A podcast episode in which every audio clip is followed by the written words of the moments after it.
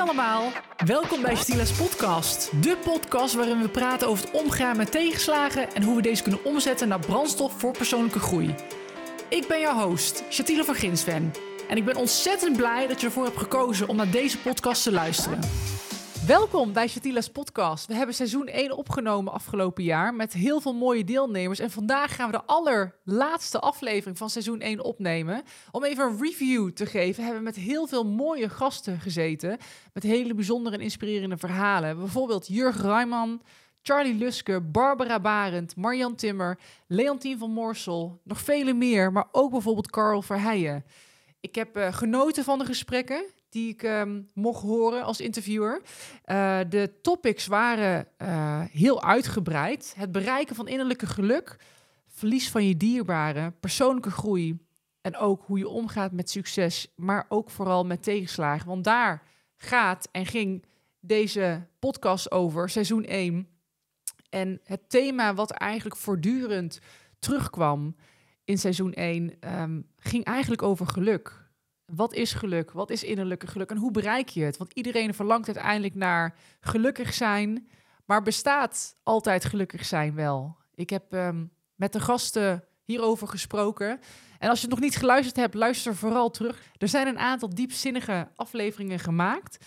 Um, maar wat ik er vooral van uit heb getrokken, is dat innerlijke geluk vooral bestaat uit balans. Um, misschien, zoals Oprah Winfrey heel mooi zegt, happier zijn. Dus niet per se happy zijn, want wat betekent happiness nou eigenlijk? Maar dus happier zijn dan dat je normaal misschien bent. En dat is misschien op zich al geluk. Het thema uh, geluk gaan we deze aflevering ook heel kort even, even bespreken. Um, mijn innerlijke geluk, ik ga meteen even een anekdote erbij halen, want ik heb zoveel gasten geïnterviewd en zoveel mooie verhalen gehoord. Maar mijn innerlijke geluk heb ik uh, gevonden in mijn carrière. Ik ben gelukkig uh, er heel vroeg achter gekomen wat ik wilde, wie ik wilde zijn, wie ik wilde worden als beroep zijnde. En dat was natuurlijk sporter zijn. Ik, uh, ik weet nog toen ik acht jaar was en ik zat uh, achter op de bank. En mijn vader die gaf mij een hint en die zei eigenlijk tegen mij, Stila, wat zou je later willen worden? Toen zei ik, nou, ik heb eigenlijk geen idee, maar ik weet wel, het zal waarschijnlijk iets met sport worden. Want ik ben zo actief. En zelfs die actieve momenten dat ik uh, thuis ben en uh, ik heb bijvoorbeeld de hele dag gesport. Te veel energie zit er in mijn lichaam volgens mij. Dat ik gewoon op mijn hoofd ging staan. Ik ging turnen in het huis. Mijn ouders werden helemaal gek van me. Dus mijn vader die zei tegen mij, ik zat achter op de bank, die zei um, in de auto. Stiel, als je ergens goed in wil zijn, moet je echt voor één ding gaan. Want als je voor die ene sport kiest, ga ik jou daarin coachen. Ga ik uh, jou daar helpen en begeleiden. En ga ik het maximale uit je proberen te halen samen met jou. Maar alleen jij kan besluiten om daarvoor te gaan. En alleen jij kan altijd die effort geven. Ik kan je alleen maar begeleiden. En ik dacht, ja, maar pap, sorry hoor, maar ik, ben, uh, ik was op dat moment 8, 9 jaar. Hoe ga ik dat nou kiezen? Hoe weet ik nou welke sport ik leuk vind? Want ik deed tennis, ik speelde, uh, ik was zat op atletiek, boksen deed ik zelfs, basketbal natuurlijk zwemmen en heel veel andere sporten. En mijn vader, uh, die zei, uh, als je niet weet, uh, kijk naar deze videoband. En hij gaf mij een Michael Jordan tape. Wie kent er nou niet Michael Jordan? De enige echte, misschien wel de grootste atleet geweest alle tijden. En op dat moment werd ik gewoon echt verliefd op basketbal. Op dat moment zag ik wat er mogelijk was. De potentie die mensen in zichzelf hebben en die eruit kunnen laten halen. Dat deed Michael Jordan op en top in zijn sport. Hij had natuurlijk enorm veel talent voor de sport basketbal. Maar ik zag vooral hoe hard hij daarvoor trainde. En ik, ik ging kijken naar de uren die hij erin stopte achter de schermen. Ik ging kijken naar de dvd's die niet veel vertoonbaar uh, gelaten waren in de media. Dus daar zag je hoeveel zware momenten hij had mee moeten maken om uiteindelijk wel te shinen, om uiteindelijk goed te zijn op het veld.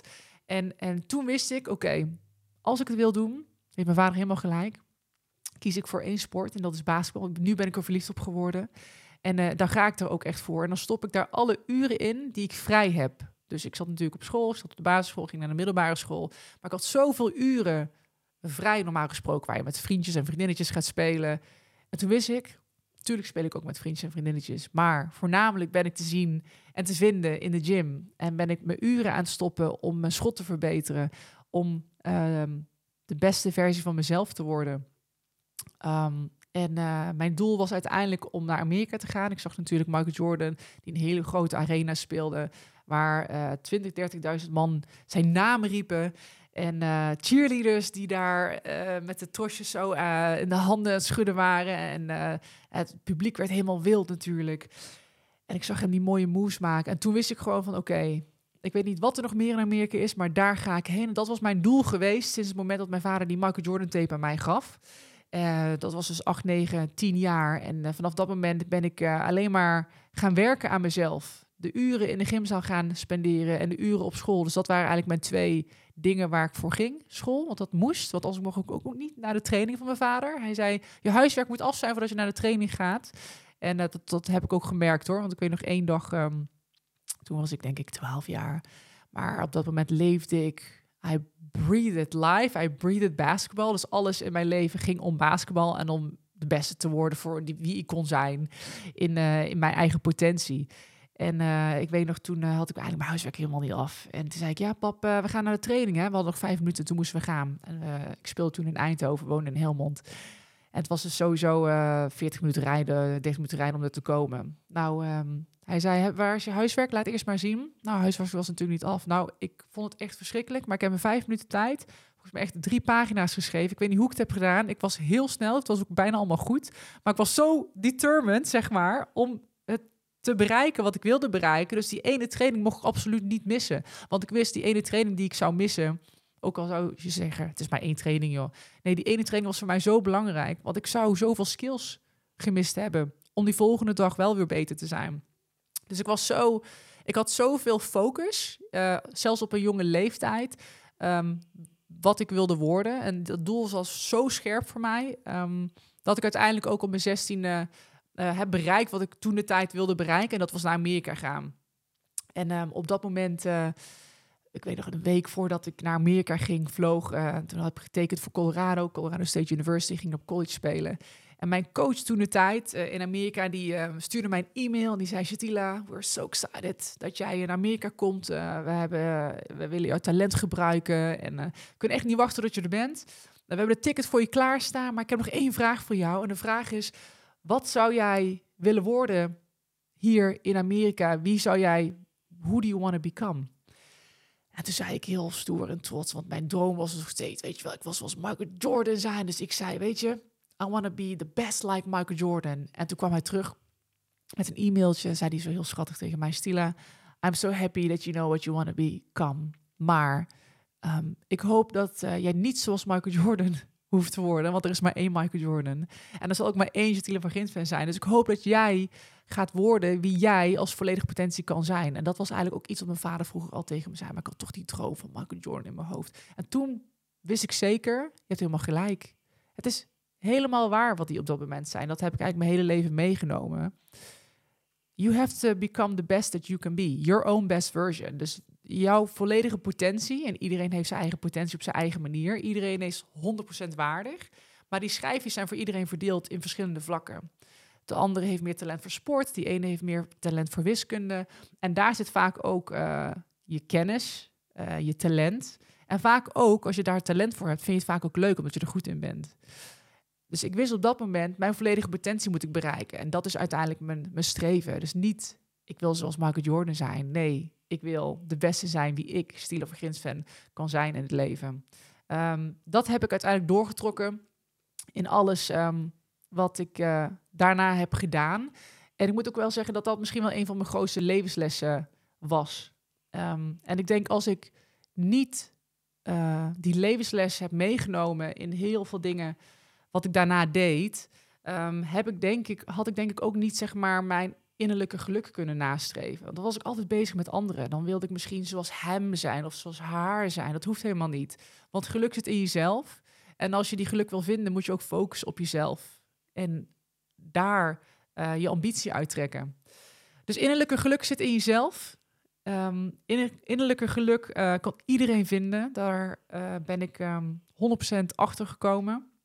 En dat ligt vooral niet buiten jezelf. En vergelijk vooral jezelf. Dus Zeker niet, zeker niet met anderen. Ik heb een hele mooie carrière mogen, mogen creëren uh, en maken en, en, spelen in de sport. Uh, ik heb jaren in Amerika gezeten. Ik ben daarna jaren doorgegaan in Europa. Op topniveau, wereldniveau. En ik uh, hartstikke trots op. Maar ik ben vooral trots op en dierbaar voor de mensen die mij altijd hebben gesteund in mijn leven. Um, en daar ben ik ook heel dankbaar voor. En dat stukje dankbaarheid trek ik ook weer terug naar, terug naar geluk. Want um, geluk creëer je. Eh, en dankbaarheid kan je ook creëren. En iedereen die mij op mijn pad heeft geholpen, daar ben ik dankbaar voor. En um, dat, dat brengt me terug naar mezelf. Want um, hoe gelukkig mag ik zijn dat ik uh, een vader heb gehad, die overigens nou niet meer leeft, maar dat hij zo'n mooie vader is geweest in de tijd dat hij er wel was hier uh, op deze aardbol. Um, en dat hij er zo was voor zijn kinderen, ook voor mijn broer en mijn zus. Dat ik zo'n mooie lieve moeder heb nog steeds gelukkig die uh, mij zo support. Daar ben ik enorm dankbaar voor. En dat brengt mij geluk. Als ik nu ook al over nadenk, dan denk ik: wauw, dit is geluk. Ik hoef misschien helemaal niks op dit moment te hebben in mijn leven. Um, misschien heb je helemaal geen geld in je bankaccount, misschien heb je miljoenen in je bankaccount of meer. Dat maakt het eigenlijk niet uit. Als je die dankbaarheid kan voelen, um, daar, kan geen geld, daar kan geen geld tegenop. Ik spoel even door naar um, uh, een stukje later in mijn leven. En dat is ook niet zo lang geleden. Dat is een aantal jaar geleden, ongeveer drie jaar geleden. Toen uh, heb ik besloten om uh, te stoppen met mijn sportcarrière. En um, dat was een best wel moeilijke beslissing. Ik weet, uh, COVID um, was ruling the world op dat moment. En ik denk dat iedereen op dat moment een hele moeilijke beslissing zat. Een hele moeilijke situatie. Dat was voor iedereen natuurlijk zo. en op dat moment voelde ik al in mijn lijf dat ik dacht van... oké, ik voel dat het tijd is voor iets anders. Maar hoe ga ik dat bereiken? Want ik heb uh, wel mijn, uh, mijn studies afgerond en dergelijke. Maar basketbal was altijd zo mijn passie geweest. Maar ik voelde dat ik alles had bereikt wat ik zelf wilde bereiken. En als ik nog een jaar verder zou spelen in mijn sport, dan was het weer van hetzelfde. Wat ook natuurlijk goed is, want je wil natuurlijk altijd streven om de beste te zijn. Maar ik was ook een keer klaar met misschien 15 jaar lang in het buitenland wonen. Um, nooit um, thuis zijn voor verjaardagen. Ik heb mijn broertjes verjaardag volgens mij 15 jaar lang achter elkaar moeten missen. Mijn verjaardagen was ik nooit thuis voor. Uh, mijn vader was natuurlijk ziek op. Um, ja, en ik was een lange afstand altijd. Maar we waren heel close over de telefoon. En probeerden zoveel mogelijk wel thuis te zijn gedurende het jaar. Maar 9, 10 maanden per jaar was ik toch in het buitenland. En ik was daar toch wel een beetje klaar mee na 15 jaar. Dat ik dacht van nee, het is nu gewoon goed om naar Nederland te gaan. Ja, mijn leven te leven zoals misschien dicht bij familie en vrienden. Um, en daar weer mijn eigen geluk te vinden. Maar hoe ga, hoe ga ik dat doen? De vraag bleef mij overheersen. Hoe ga ik dat doen? Want je stapt niet zomaar af van een carrière waar je je hele leven aan uh, gebouwd hebt. En um, op dat moment uh, kwam corona en ergens was het een soort van opluchting om weer naar huis te gaan. Tegelijkertijd was natuurlijk iedereen een soort van in de stress en bang. Wat gaat er gebeuren? Um, hoe lang gaat dit duren? En ik kwam thuis aan. Ik zat, uh, werkte op dat moment in Tsjechië uh, voor een uh, Europa Cup club in de sport. En um, nou, ik speelde een van de wedstrijden. En toen hoorden we in één keer dat wij ehm, het land moesten verlaten als foreigner, als buitenlander. Want er speelden een aantal buitenlanders in dat team. Onder andere Amerikanen. Ik ook. En de president van de club, de voorzitter van de club, die zei tegen ons als buitenlander: Oké, je hebt drie uur de tijd om een ticket te boeken en naar huis te vliegen. Want anders gaan, uh, gaat alles uh, op lockdown en gaan de grenzen dicht. En we weten nu natuurlijk niet wat er precies gaande is. En misschien ben je wel forever dan uh, van je huis vandaan. Dus volgens mij heb ik in twee uur tijd echt mijn hele appartement ingepakt en een paar koffers. Ik had mijn hond bij, een vriendin van mij was erbij. En uh, er waren geen tickets available. Alles was volgeboekt natuurlijk, want het hele land wil vliegen naar huis, uh, alle buitenlanders. En ik had la last minute gelukkig nog een treinticket kunnen kopen. Nou goed, alle stress voorbij en we kwamen uiteindelijk in Nederland aan. En uh, de corona heerste overweldigend door het hele land. En um, ja, ik, uh, ik zat in een situatie dat ik even een aantal maanden gewoon thuis wilde zijn en even niks wilde doen. Even bijkomen van 15 jaar, dat plus corona en alles wat er gaande was in de wereld. Maar op een gegeven moment dacht ik wel van nee, iets zit in mij te kriebelen. Ik moet iets doen. En ik wilde niet weer naar het buitenland. Dat voelde zo. Dus um, ik had um, besloten om te gaan werken in een uh, kantoor. Gewoon in een uh, kantoorgebouw. Wat uiteindelijk helemaal niks voor mij was. Uh, dus ik had op dat moment de beslissing om wel weer naar het buitenland te gaan en te gaan basketballen. Want je kon weer na zoveel maanden gaan basketballen, maar zonder publiek. Um, of in Nederland te blijven. En iets kriebelde in mij heel erg dat ik hier moest blijven. Ik weet dat mijn management, mijn uh, basketball agent, die belde mij op. Ik heb een geweldige deal voor jou in Turkije. Geweldig team, Euroleague team. Je gaat als een beetje de Champions League uh, van, van voetbal, zeg maar, van basketbal. En uh, jij, gaat, jij gaat het tekenen, weet je wel. Dit is een super deal. We wilden nou niet voor dit team spelen. En ik dacht, ja, dat is geweldig. Uh, flattered, weet je wel, dat ze me willen. Um, maar het voelt voor mij niet. Dus ik pakte die pen en ik had mijn contract. En ik uh, voelde me een klein beetje geforceerd door mijn management. Mijn basketbalmanagement moet ik zeggen. En uh, die zei van ja, tekenen, want geweldige gelddeal en uh, zoveel, zo'n zo'n topteam. Oké, ik pakte die pen en ik dacht oké, ik moet wel luisteren naar mijn management. Want het is natuurlijk goed voor mijn carrière, hè, mentaal gezien, zeg maar. Gewoon als je kijkt, gewoon met je hoofd. Dit is goed. Dus ik denk, ik ga tekenen. Dus ik, ik wil die pen oppakken, mijn hele lichaam begint te trillen. En ik kon niet eens die handtekening zetten op dat contract. En ik kon niet schrijven. En ik voelde gewoon zo erg dat ik dat niet moest tekenen. Toen heb ik uiteindelijk besloten om um, niet te tekenen en te luisteren naar mijn lichaam in plaats van naar mijn hoofd. Wat ik um, eigenlijk mijn hele leven al heb gedaan. Ik heb altijd geluisterd naar wat ik voelde, mijn dromen achterna gaan, mijn passie, mijn visie achterna gaan. Um, en nu voelde het gewoon, als ik luister naar mijn lichaam, om niet dat pad meer achterna te gaan, maar hier te blijven. Dus ik heb gekozen om hier te blijven. Ik dacht, weet je, ik ga gewoon luisteren naar mijn lichaam en niet naar mijn hoofd. Dat heb ik gedaan.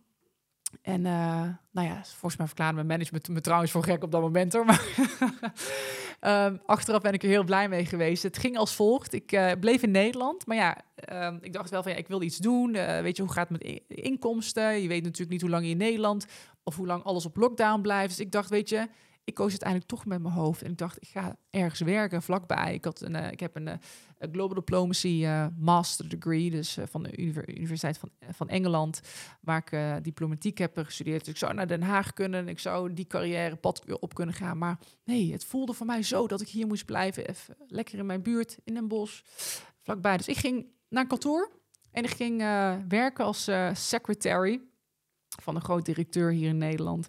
Maar dat was zo buiten mijn passie. Dat was zo niet wie ik was en wie ik ben.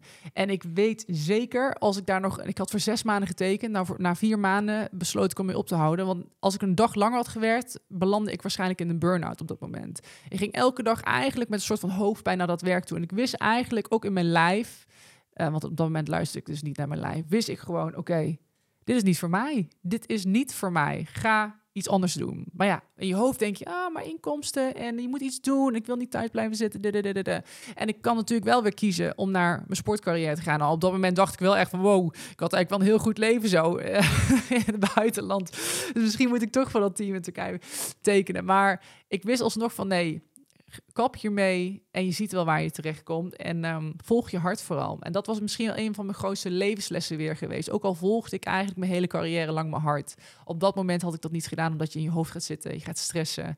Um, hoe je gaat, je gaat, ja, you're worried. En als je worried, zit je niet in je centrum, zit je niet, zit je niet dicht bij jezelf, want dan zit je er buiten. En dan ga je de vreemdste scenario's bedenken. Dus ik had, ik had dat werk gekozen puur omdat het, um, ja, omdat ik in de stresssituatie klein beetje verkeerde. Dat ik dacht van ja, ik wil gewoon wat doen, maar ik weet niet wat. Um, en toen besloten had om te stoppen, toen um, kwam ik eigenlijk binnen no time zeg maar op een ander carrièrepad. En dat is eigenlijk wat ik nu doe. Dat is uh, nu de televisiewereld. Um, mijn eerste opdracht was volgens mij voor de Verrader. Seizoen 1 werd ik gevraagd. En uh, ik was heel grappig, want ik weet nog dat ik daar wel over na zat te denken. Toen dacht ik van, Verrader, wat is dat dan voor programma? Weet je wel, is dat dan een programma waar je dus weer niet dicht bij jezelf mag zijn. Um, moet je dan mensen verraden of zo? Wil ik dat wel? Maar ja, het is natuurlijk een spelprogramma. Dus uh, uiteindelijk had ik dat gedaan. En ik weet nog heel goed, um, toen was ik echt een, uh, een rookie hoor, in het televisieland. En toen um, kwam ik daar op set. Uh, ik weet niet dat volgens mij niemand mij kende, maar ik kende zelf ook niemand.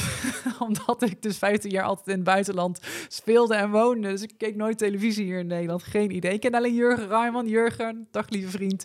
Jou kende ik uh, persoonlijk al een aantal jaar geleden uh, via mijn werk. Maar um, dus dat was heel grappig. En uiteindelijk um, was ik al hartstikke blij. Weet je, ik dacht, ach, ik doe één aflevering mee en hartstikke leuk. En dan heb ik het wel weer gezien en dan gaan we andere dingen doen. Maar op die, dat seizoen bleef ik hierin en uiteindelijk won ik seizoen 1 met Verraders samen met Samantha Steenwijk. Was echt een hele, was een mooie show. Ik heb er echt enorm van genoten. Maar ik wist heel goed op dat moment, toen ik daar stond, ehm, dat dat de plek is waar ik wilde en dat ik voelde dat dat goed was om voor mij te staan. Dat voelde gewoon goed, alles klopte. Ehm, ja, en, en, soms kan je dingen niet verklaren met je hoofd, maar je voelt wel dat je er hoort. En um, op een of andere, andere manier ben ik daarin doorgestroomd.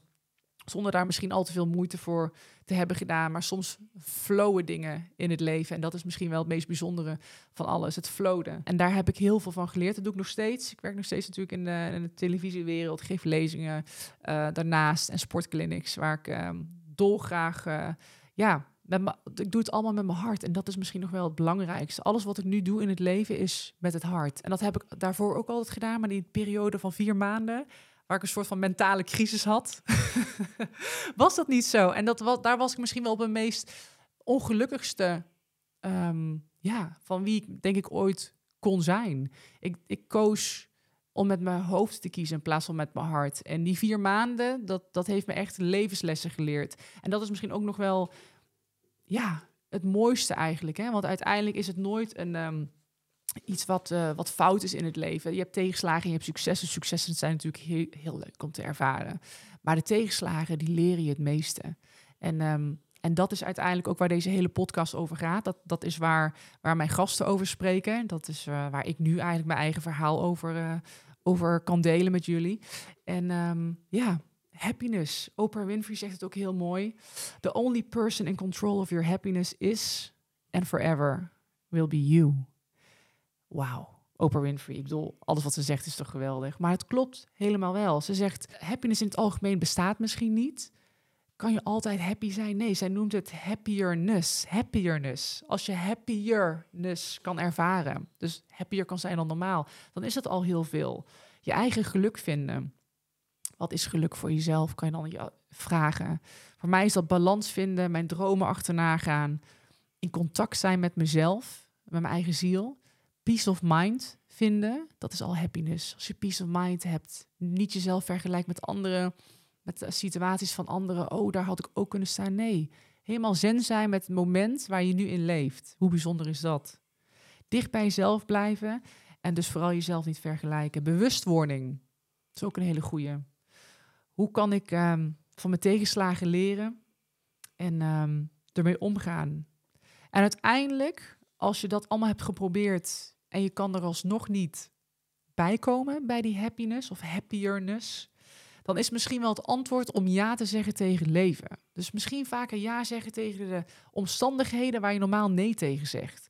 Misschien ja zeggen tegen momenten of vrienden waar je normaal nee tegen zegt. Van, oh, het is laat, nee, ik ga toch uh, lekker mijn bedje in. Als je misschien einde van het jaar of einde van de dag of einde van die week toch nog unhappiness ervaart, dat je niet content bent bij, met jezelf, Ga je omstandigheden veranderen? Zeg ja tegen, le tegen het leven. Zeg ja tegen de omstandigheden waar je normaal dus nee tegen zegt. Ga lekker een boek lezen die je normaal niet zou lezen. Of maak tijd voor vrienden waar je bijvoorbeeld normaal geen tijd voor brengt. Misschien brengen zij jou weer, weer op een pad waar je normaal nooit zou komen. En dat je daar weer mooie dingen uit kan creëren. Het leven, dat uh, leeft om je heen. Het leven ben jij. En um, ja, ja zeggen tegen het leven. Het aller, allermooiste wat je kan doen. Ik wil deze aflevering ook nog afsluiten met een, uh, met een gedicht. Um, ik heb een, uh, net een verhaal over mezelf zitten vertellen. Uh, en in mijn sportcarrière heb ik tegenslagen ervaren. Heb ik hoogtepunten ervaren. Mijn vader is overleden tegen het einde van mijn carrière aan. Ik heb nog een aantal jaar daarna nog doorgesport. Um, maar dat was ook natuurlijk een van de grootste, misschien wel de grootste tegenslag ehm, die ik in mijn leven tot nu toe heb mee moeten maken. Hij is altijd heel dicht bij mezelf. Maar door al die tegenslagen heen en door al die successen heen is er één, um, één gedicht. Uh, het gedicht van Invictus. Dat is een uh, gedicht die ook Nelson Mandela altijd in zijn gevangenschap heel dicht bij zich hield. Hij had het uh, op zijn muur geschreven en hij las het elke dag voor. En ik wil het eigenlijk voor jullie voorlezen. Out of the night that covers me, black as a pit from pole to pole. I think whatever God may be for my unconquerable soul. In the fell clutch of circumstance, I have not winced nor cried aloud. Under the blunch of chance, my head is bloody but unbound. Beyond this place of wrath and tears looms but the horror of the shade, and yet the menace of the years finds and shall find me unafraid.